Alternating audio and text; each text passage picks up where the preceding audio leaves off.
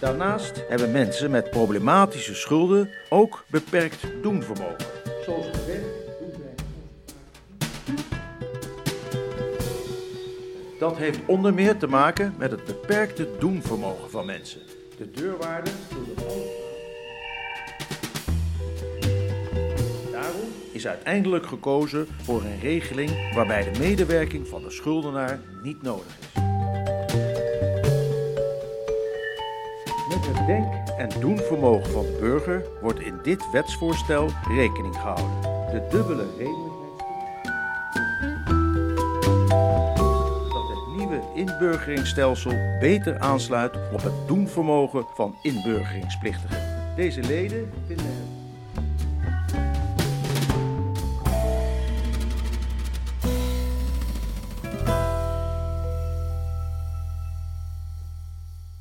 Als je op tweedekamer.nl zoekt op het trefwoord doenvermogen, kom je stukken tegen van ministers, staatssecretarissen, commissies en Kamerleden die de betekenis van dit begrip kennen en ermee werken. Doenvermogen betekent zoveel als niet alleen weten hoe je je als burger in de 21ste eeuw staande houdt, maar er ook naar handelen. Daar ontbreekt het sommige mensen aan, maar het wordt hen ook niet altijd makkelijk gemaakt door de overheid. In 2017 legde WRR, de Wetenschappelijke Raad voor het Regeringsbeleid, op eigen initiatief de vinger op de zere plek met het rapport Weten is nog geen doen. Sindsdien houden al vele beleidsmakers bij het maken van wetten en regels rekening met eventuele beperkingen in het doenvermogen van mensen. Wat is het probleem precies en welke oplossingen draagt de WRR aan? Daar geeft deze aflevering van WRR Vogelvlucht antwoord op. Maar allereerst, hoe komt het dat de aanbevelingen van de WRR in korte tijd zo breed worden toegepast? Een belangrijk element was de timing. Een van de dingen die geholpen heeft met de positieve ontvangst is dat het rapport gepresenteerd is net na de Kamerverkiezingen. En dus eigenlijk er een periode op dat moment was van een lange formatie. En in een lange formatie hebben uh, de hogere ambtenaren van de verschillende ministeries in Den Haag soms uh, meer tijd dan anders om eens even na te denken over um, um, de toekomst van beleid, belangrijke ontwikkelingen. Je hoort de stem van Annegreet Keizer, senior wetenschappelijk medewerker van de WRR en als projectcoördinator verantwoordelijk voor het rapport Weten is nog geen doen. Uh, en wij merkten dus dat uh, wij bij veel ministeries heel erg welkom waren om te vertellen over ons rapport. Uh, en dat er ruimte en tijd was om hierover na te denken. En wat ik dus vooral heel prettig vond aan de ontvangst van het rapport, dat ze echt begrepen wat we met dit rapport probeerden te doen. De inhoud van het rapport was voor veel beleidsmakers herkenbaar. Voor hunzelf soms, maar vooral ook voor de probleemgroepen waar zij soms met, bij hun ministerie mee bezig zijn. Er zijn zo'n 20.000 exemplaren van het rapport in gedrukte en digitale vorm aangevraagd. En de makers hebben het rapport op tal van plaatsen toegelicht. Annegreet en ik hebben denk ik met z'n tweeën 70 of 80 lezingen gegeven in de afgelopen jaren hierover. Wij geven nog steeds lezingen, drie jaar na dato. En dit is de stem van Mark Bovens, hoogleraar bestuurskunde en als raadslid van de WRR verantwoordelijk voor dit rapport. Algemene reden is dat wij denk ik een taal hebben gevonden voor iets wat heel veel mensen al voelden. Dus op een reeks van terreinen, motorrijtuigen, toeslagen, uh, ziektekostenverzekeringen, zag je dat uh, ook beleidsambtenaren zagen, ja, dit beleid is te ver doorgeschoten. We houden te weinig rekening met wat gewone mensen aankunnen. En wij hebben eigenlijk een taal gevonden met dat doenvermogen en ook een wetenschappelijke basis eigenlijk aangebracht voor dat brede intuïtie die heel veel mensen al hadden. Ook in de uitvoering. Er komen heel veel uitvoerders tegen die zeggen van ja, wat jullie hebben beschreven, komen wij dagelijks tegen. Dat mensen zijn best van goede wil. Maar het groeit ze gewoon boven het hoofd en ze vergeten dingen en daardoor komen ze in de grote problemen omdat er boete op boete wordt gestapeld. Boete op boete. Het kan zelfs levens ruïneren. Toen kwam ik dus voor het eerst in aanraking met justitie. Dat gebeurde door een, uh, een bromfiets die niet verzekerd was. En toen heb ik een, uh, een bekeuring gekregen. Goed, uh, op een gegeven moment moest ik dus voor de rechtbank komen. Omdat ik dus al een paar keer geregistreerd was. Registercontrole, die wordt dus elke keer uitgevoerd. En daar komt elke keer komt dat weer naar boven. En dan na zoveel keer, dan moet je voor de rechtbank komen en dan moet je dat verantwoorden. Nou goed, en uh, uh, goed, de rechter was dan van mening dat ik uh, bewust dat ontdoken had. En dan ben ik veroordeeld voor één maand gevangenisstraf. Je hoorde Thomas, wiens leven na een kleine fout helemaal uit koers raakte. Uit onderzoek komt naar voren dat bijna de helft van de Nederlanders moeite heeft om zelf regie te voeren over gezondheid, ziekte en zorg. Het ontbreekt hen aan kennis, motivatie en zelfvertrouwen. 1 op de drie huishoudens heeft onvoldoende buffers om een normale tegenslag, zoals het stuk gaan van een wasmachine, op te vangen. Een slim systeem ontslaat mensen niet van hun verantwoordelijkheden, maar zorgt wel voor voldoende kreukelzones en vangrails. Zo stellen de onderzoekers van de WRR. Voor dat streven ligt een belangrijke taak bij de Tweede en de Eerste Kamer. Onze boodschap aan hun is ook van let op dat het nog wel doenlijk blijft. De burger moet de wet niet alleen kennen, maar de burger moet de wet ook kunnen. We zien dat met name de Eerste Kamer, die natuurlijk een minder politieke rol heeft en een meer wetgevingstoetsende rol, dat die dat enorm heeft opgepakt. We hebben voor 30, bijna de helft van de Eerste Kamerleden, hebben we een presentatie gegeven samen. En de Eerste Kamer die slaat hier heel erg op aan en terecht, want de Eerste Kamer heeft een belangrijke rol om de kwaliteit van wetten, en dat is niet alleen de technische, juridische kwaliteit, maar ook eigenlijk de doenlijkheidskwaliteit, de, vanuit burgers gezien, om die te toetsen. De Eerste Kamer had ook nog een concrete vraag aan de WRR. Kunnen jullie met ons meedenken? Hoe moeten we dat dan gaan doen? Hoe moet je dat vorm gaan geven? Er volgt opnieuw overleg met de Kamerleden. En toen hebben we de doenvermogen toets ontworpen. In lijn met onze eigen aanbevelingen hebben we dat geprobeerd simpel vorm te geven. Het is één A4'tje waarin een aantal stappen staan die je kan doorlopen en die je kunnen helpen om te zorgen dat je beleid uitgaat van realistische verwachtingen over wat burgers kunnen.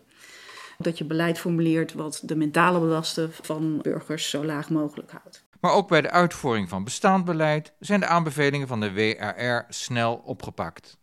Met name grote uitvoeringsorganisaties zijn er eigenlijk heel snel mee aan de slag gegaan. Dus zoals de, het CAK, eh, de Sociale Verzekeringsbank, uh, zijn heel snel, daar hebben de, dat heette de manifestgroep, een aantal van de directeuren daar hebben een club gemaakt. Uh, en, en, hebben eigenlijk vrij snel dit gedachtegoed omarmd. En hebben van meet af aan geprobeerd om in de uitvoering van sociale zekerheid veel meer aandacht te vragen, bijvoorbeeld voor uh, persoonlijk contact. niet brieven sturen, maar gewoon eens even bellen. niet lang wachten tot de problemen oplopen, maar een heel mooi voorbeeld is uh, CZ, ziektekostenverzekeringsmaatschappij, die uh, premies moet in voor ziektekostenverzekering. Daar geldt eenzelfde boete op boetebeding. Als je na drie maanden niet betaalt, krijg je automatisch een boete. En die blijft altijd staan, ook als je weer netjes je premies hebt betaald. En daar is men bijvoorbeeld al in een vroegtijdig stadium gaan werken met, uh, zo gauw er één melding is dat iemand zijn premie niet betaalt, gaan ze meteen bellen.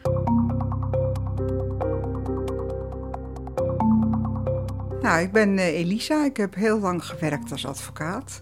In die tijd had ik altijd een boekhouder. Dat was heel fijn. Die deed mijn belastingaangifte. En uh, nou ja, dat, uh, dat liep behoorlijk soepel. Maar op een gegeven moment was er een verandering in mijn leven. En ik werkte niet meer als advocaat en moest het voortaan zelf doen. En ik had ook wel wat privéproblemen en veel stress van het nieuwe werk. En toen ben ik dat gaan uitstellen en gaan uitstellen. En ik vond het steeds moeilijker worden. En de blauwe envelopjes stapelden zich op in mijn kamer. En eh, nou ja, de Belastingdienst kan verschrikkelijke dingen doen als jij niet aan hun verplichtingen voldoet. Zoals beslag leggen, eh, eh, fictieve aanslag opleggen, hoge boetes. En dat dreigde allemaal. En, ik werd steeds zenuwachtiger uh, en ik, ik, schaamde me natuurlijk ook erg ervoor. En toen ben ik op een gegeven moment gebeld door de Belastinginspectie. En, en dat, dat is een telefoongesprek wat ik echt nooit zal vergeten. De man zei: Mevrouw, u gaat nu die aangifte doen. U gaat al uw spullen pakken en neerleggen. Dan gaat u achter uw computer zitten. En dan zult u zien, het kan tegenwoordig digitaal. Dat was toen net begonnen. Dan bent u in twee uur klaar. En u gaat dat nu gewoon doen. En daarna stuurt u mij een berichtje dat u het heeft gedaan. En ik heb dat gedaan. De capaciteit aan doenvermogen is redelijk gelijkmatig verdeeld over de bevolking. Het merendeel van de mensen scoort een zeventje, zeg maar. Is redelijk, heeft redelijk veel doenvermogen. Maakt het uit of je advocaat, vrachtwagenchauffeur of wetenschapper bent? Ja, wel een beetje. Uh, mensen, uh, hoger opgeleiden scoren wat beter. Maar uh, zo'n 24% van de hoogopgeleiden scoort laag. Laag opgeleide scoren iets minder, maar zo'n 16% scoort hoog. Dus het is niet per se een, een diploma-democratie ding. Het speelt ook een rol dat natuurlijk eh, om een eh, academische opleiding te voltooien heb je ook behoorlijk wat doenvermogen nodig. Want je moet natuurlijk altijd die tentamens doen en je huiswerk hebben gemaakt, et cetera, terwijl je vriendjes buiten spelen. Dus daar zit een soort uh, correlatie tussen. Aan de basis van doenvermogen liggen drie persoonskenmerken: zelfcontrole, temperament en overtuiging. Een deel daarvan zit in je genen, een ander deel krijg je van thuis mee en het is lastig daar later op te trainen.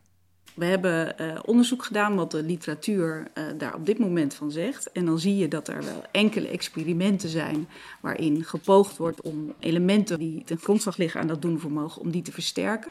Maar dat is zeer moeilijk en als het al lukt, kost het uh, een hele intensieve investering. Um, dus op dit moment is onze boodschap aan de regering. Um, vertrouw daar nu nog niet op dat je met onderwijs van alles kan oplossen. Maar ga op dit moment uit van een meer realistisch beeld van hoe burgers in elkaar zitten. En wat je hebt aan doenvermogen kun je soms tijdelijk niet gebruiken.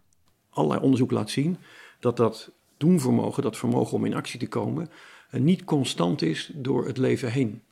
Dat mensen die normaal eigenlijk heel goed in staat zijn om in actie te komen en, en te plannen en vooruit te denken, die vermogens lopen bijvoorbeeld sterk terug als mensen stress hebben. Als er bijvoorbeeld mensen in scheiding liggen, hun baan kwijtraken, als ze uh, een, een, kind verliezen of een partner verliezen. in dat soort live events zie je dat de, ja, de, alle mentale energie eigenlijk gaat zitten in het verwerken van die gebeurtenissen. En dat mensen dan veel minder energie eigenlijk en, en ruimte over hebben om ook nog eens in actie te komen. En daar zit de crux. Ja, juist in omstandigheden waarin je te maken hebt met stress, je, je verliest je baan, je, je, hebt schulden, dan verwacht de wetgever juist heel veel acties van burgers. En dan moet je formulieren invullen, dan moet je dingen gaan aanvragen, potjes gaan doen, dan moet je opletten. Dat je te veel uh, toeslagen krijgt, dan moet je het later weer terugbetalen. De oplossing lijkt simpel. Dus als je regelgeving of wetgeving ontwikkelt die specifiek gaat over dat soort live events, dan weet je dus ook al dat dit mensen betreft die um, uh, misschien uh, het overzicht wel even kunnen verliezen. Dus dan is het nog belangrijker dat je goed nadenkt over wat vragen we van die mensen. Is dat realistisch? Kunnen we het op zo'n manier inrichten dat we ze ook uh, een beetje helpen? dat dingen automatisch gaan. Dus die live events die zijn eigenlijk een soort waarschuwing van oké, als het als beleid hiermee te maken heeft, dan moeten we extra goed opletten of dit doenlijk is voor de burger. Mark Bovens geeft een voorbeeld van waar het mis kan gaan. De, huidige wet op de kinderopvang is gemaakt met de beste bedoelingen. Namelijk uh, ouders uh, financiële ondersteuning geven om de hoge kosten van kinderopvang uh, te kunnen dragen. Op zich heel goed idee. Alleen de manier waarop die wet is ingericht is precies verkeerd. De hoogte van je kinderopvang is afhankelijk van het gezamenlijke gezinsinkomen op het huidige moment. Als dat gezinsinkomen hoger wordt, is de kans groot dat je boven een bepaalde drempel uitkomt en dat je veel minder kinderopvangtoeslag krijgt. De verantwoordelijkheid voor het doorgeven van die gegevens wordt bij de ouders gelegd. Dus in een situatie waarin je het allebei werkt, jonge kinderen hebt uh, die dagelijks naar de kinderopvang moeten, je, hè, je, de drukste spitsuur van je leven, verwacht de overheid van je dat je elke maand checkt of het gezamenlijke gezinsinkomen, dus man en vrouw samen, of dat niet toevallig wat omhoog is gegaan.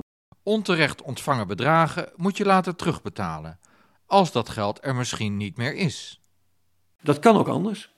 Er is een, een, ontwerp gemaakt voor een andere wet op de kinderopvang, waarbij men zei: we doen het inkomen T-2. Dat wil zeggen, het fiscaal inkomen van twee jaar geleden, wat al is vastgesteld, bepaalt nu of je op dit moment recht hebt. Hoef je als ouders niks door te geven, de Belastingdienst weet dat, kan dat doorgeven. Als ouders kun je, wie niks doet, zit goed. Een, een tweede inzicht is dat als mensen lange tijd chronisch bijvoorbeeld in armoede zitten, te maken met schulden, dan zie je dat die vermogens ook teruglopen. Een illustratie van armoede als stressveroorzaker komt van sociaal ontwikkelaar Hidde Tielen.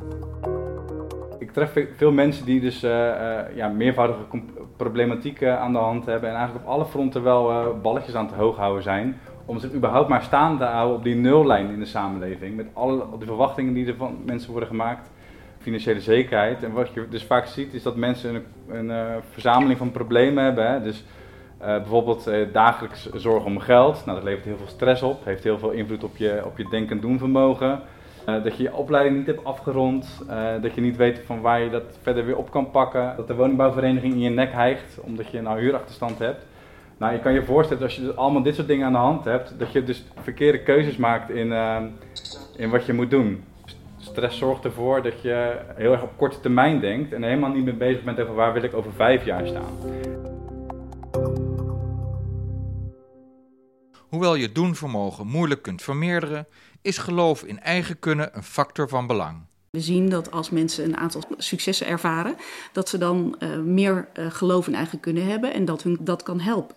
Dat is bijvoorbeeld een belangrijk inzicht wat je wel kan gebruiken in, um, in de omgang van mensen, bijvoorbeeld met problematische schulden.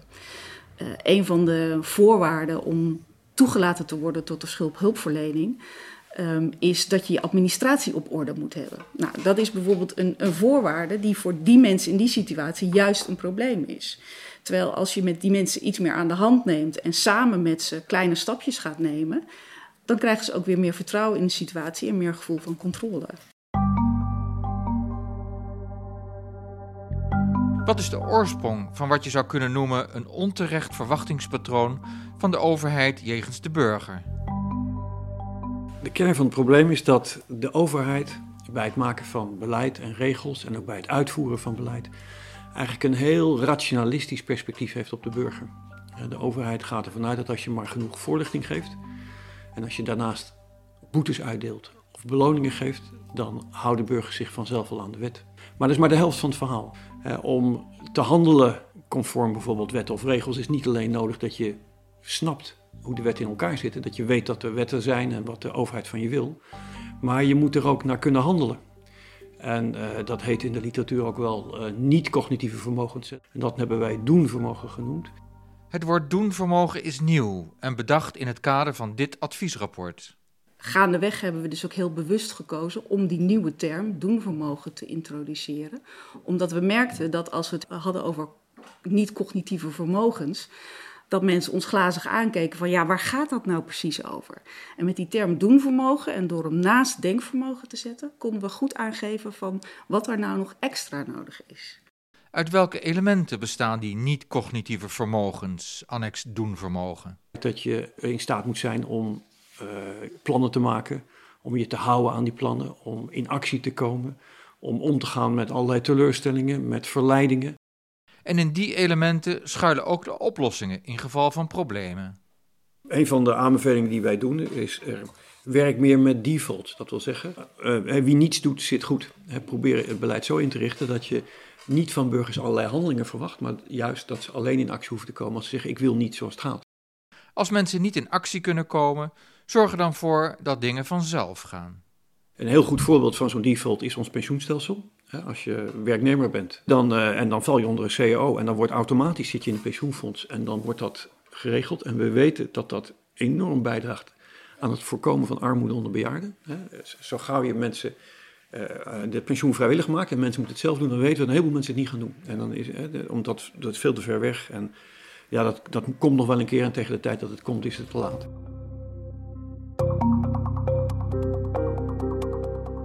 Wie niets doet, zit goed, is ook een wens van deze man.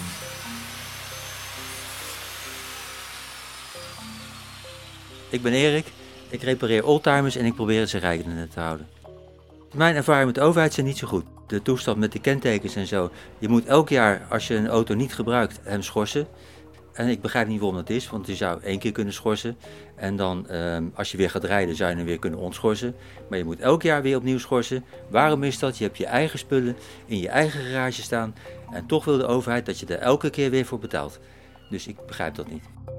Als je hem niet schorst, als je dat vergeet, dan uh, gaat de RDW controleren of je verzekerd bent en of je APK hebt en zo. En dat heb je dan natuurlijk niet. En dan krijg je een serieuze bekeuring van minimaal 400 euro. En als je die niet betaalt, wordt de boete nog hoger. En als het doorgaat, dan wordt je rijbewijs zelfs afgenomen. Het is overigens niet zo dat de overheid je rijbewijs inneemt. Er staat gevangenschap op. Maar behalve een goed geheugen moet je ook de kracht hebben tal van verleidingen te weerstaan. Neem de bestrijding van obesitas. Inmiddels is er zoveel voorlichting gegeven. Iedereen weet wel dat je meer moet bewegen. Iedereen weet wel dat je gezond moet eten. dat je beperkt moet eten, niet tussendoor moet snacken. Maar het is ontzettend moeilijk om je daaraan te houden, omdat als je een hele dag hebt gewerkt, stress hebt gehad, je bent moe, je gaat s'avonds naar huis via het station. En dan komt je 100 meter voor je het station binnenkomt de geur van Turkse pizza en verse appeltaart komt je al tegemoet. Het zit vol met verleidingen en het is vrijwel onmogelijk voor de meeste mensen om, om die verleidingen te weerstaan. Zeker als je na zo'n lange werkdag moe bent. Overal zijn verleidingen aanwezig die mensen eigenlijk uh, ja, van het pad afhelpen waarvan ze weten dat ze eigenlijk uh, het moeten lopen. Namelijk voorzichtig zijn, niet tussendoor snacken, et cetera, en gezond eten. Het antwoord erop heet keuzearchitectuur. Zorg ervoor dat de burger niet of minder in aanraking komt met ongezonde keuzes, maar behoud de keuzevrijheid. Ik denk dat het belangrijkste van die keuzearchitectuur is dat het een soort tussenweg biedt. Hè? Want um, je hoeft natuurlijk helemaal niet al het ongezonde voedsel te verbieden. Maar je kan wel zeggen, we zorgen dat het op bepaalde uh, locaties, in bepaalde situaties, minder voorhanden is. Bijvoorbeeld op scholen of uh, in ziekenhuizen. En dan staat het mensen nog steeds vrij om, om zelf naar de supermarkt te gaan en iets te kopen. Maar je maakt die constante verleiding, die constante prikkel, die verminder je. Of omgekeerd, als je gezond voedsel aanbiedt, maak je het voor mensen gewoon makkelijker om die keus te maken. Het gaat om het reduceren van mentale lasten. Het gaat erom dat mensen eigenlijk voor elk steeds weer hun wil moeten uitoefenen om toch niet uh, dat colaatje te pakken wat daar vooraan in die grote automaat staat. Een klassiek voorbeeld is de inrichting van gebouwen. Je wil dat mensen meer bewegen. Maar het gemiddelde gebouw, als je binnenkomt, het eerste wat je ziet zijn de liften. En als je met de trap wil, dan moet je uh, ergens een deur zoeken en dan daarachter is ergens een, duister trappenhuis. En je kan natuurlijk ook gebouwen anders inrichten. Dat je gewoon, je komt binnen en er is er een mooie, grote, fijne, verlichte trap. En als je met de lift wil, moet je ergens naar een achterliggend duister hoekje. En dat is nudging. Nudging is een, het Engelstalige woord voor mensen duwtjes geven, of in ieder geval, hè, uh, nou, wat ik net zei, de situatie zo inrichten dat mensen als vanzelf verleid worden om datgene te doen wat ze eigenlijk wel willen, maar waarvan ze soms moeite voor hebben om het te doen. En zoals de burger een steuntje in de rug kan gebruiken, hebben ook beleidsmakers soms behoefte aan hulp. De wil is er wel om dit te doen, maar het is in de praktijk soms toch best nog wel lastig om het uit te voeren. Dan komen we op het punt dat ook het doenvermogen van de overheid soms uh, zijn, uh, zijn grenzen kent. Om die reden is de eerder genoemde toets van 1 A4'tje ontwikkeld. Normaal is bij de WRR zo van je maakt een rapport, je geeft een presentatie, dan heb je nog een landingsfase, geef je allerlei lezingen, maar op een gegeven moment dan moet het scheepje zelf maar varen. En dan ben je al lang weer bezig met volgende projecten. En in dit project hebben we nog een aantal documenten gemaakt na afloop van het rapport. Die erg veel meer inderdaad handvatten bieden.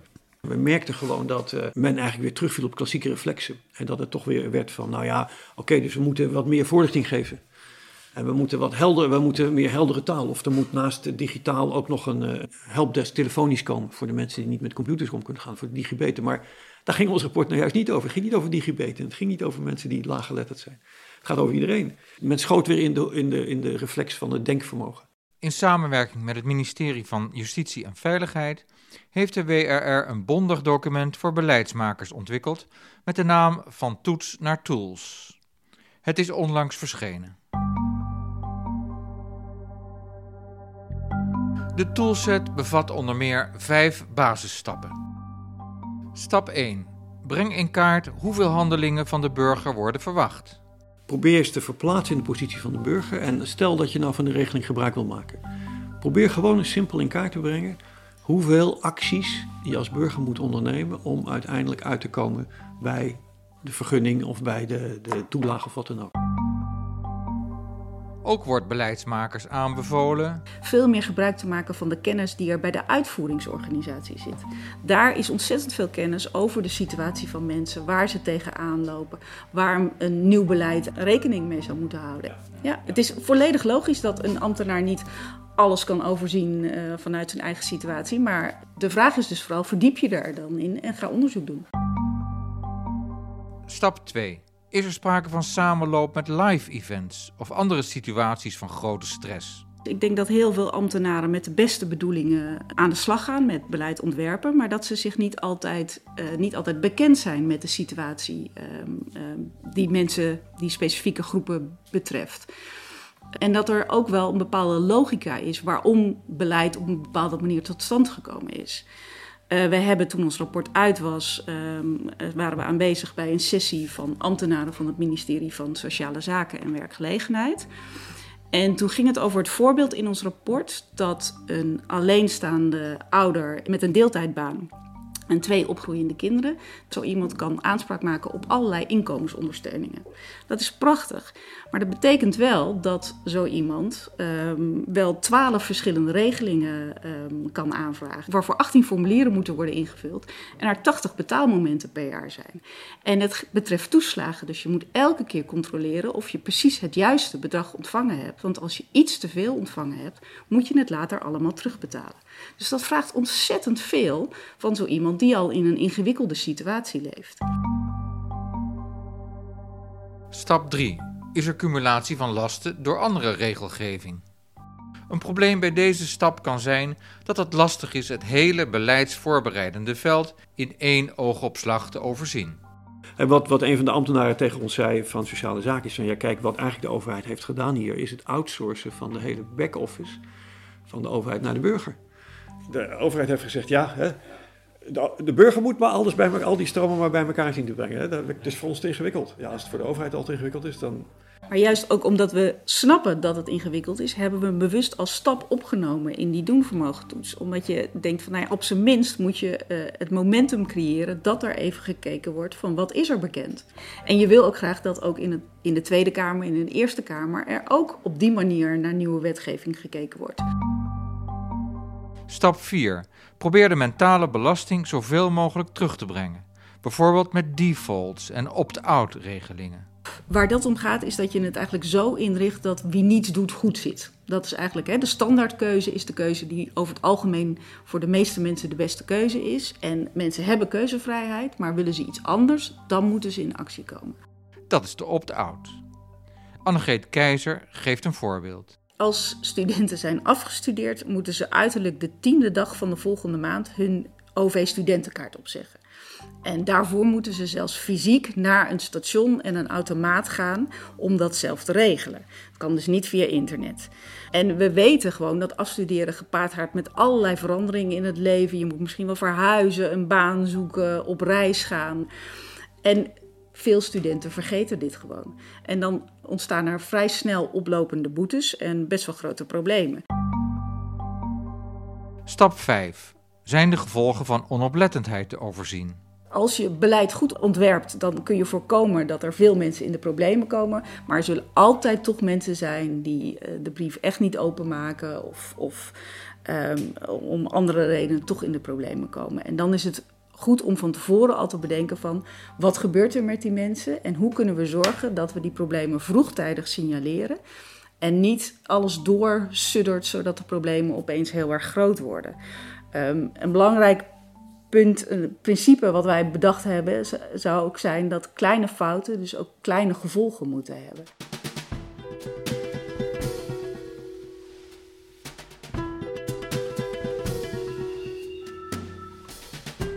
Ja, wij, wij zeggen eigenlijk, hè, dit is een, een soort moderne invulling van het sociaal contract tussen burger en overheid. Hè. De, de overheid wil graag dat de burger eh, nou, zich op zich netjes gedraagt. Maar als burger wil je ook graag dat de overheid je helpt om je netjes te gedragen. Eh, en niet dat het ontzettend moeilijk wordt om je netjes te gedragen. Of dat de overheid eigenlijk je een duw geeft waardoor je in de schulden terechtkomt.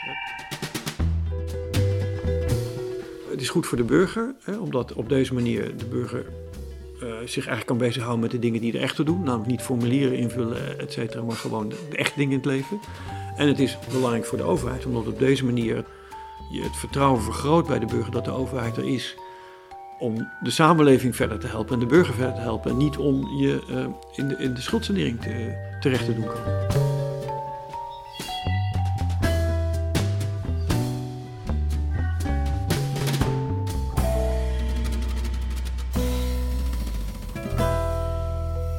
Zover deze aflevering van WRR Vogelvlucht. Alle informatie rond dit adviesrapport en deze podcastserie kun je vinden op wrr.nl.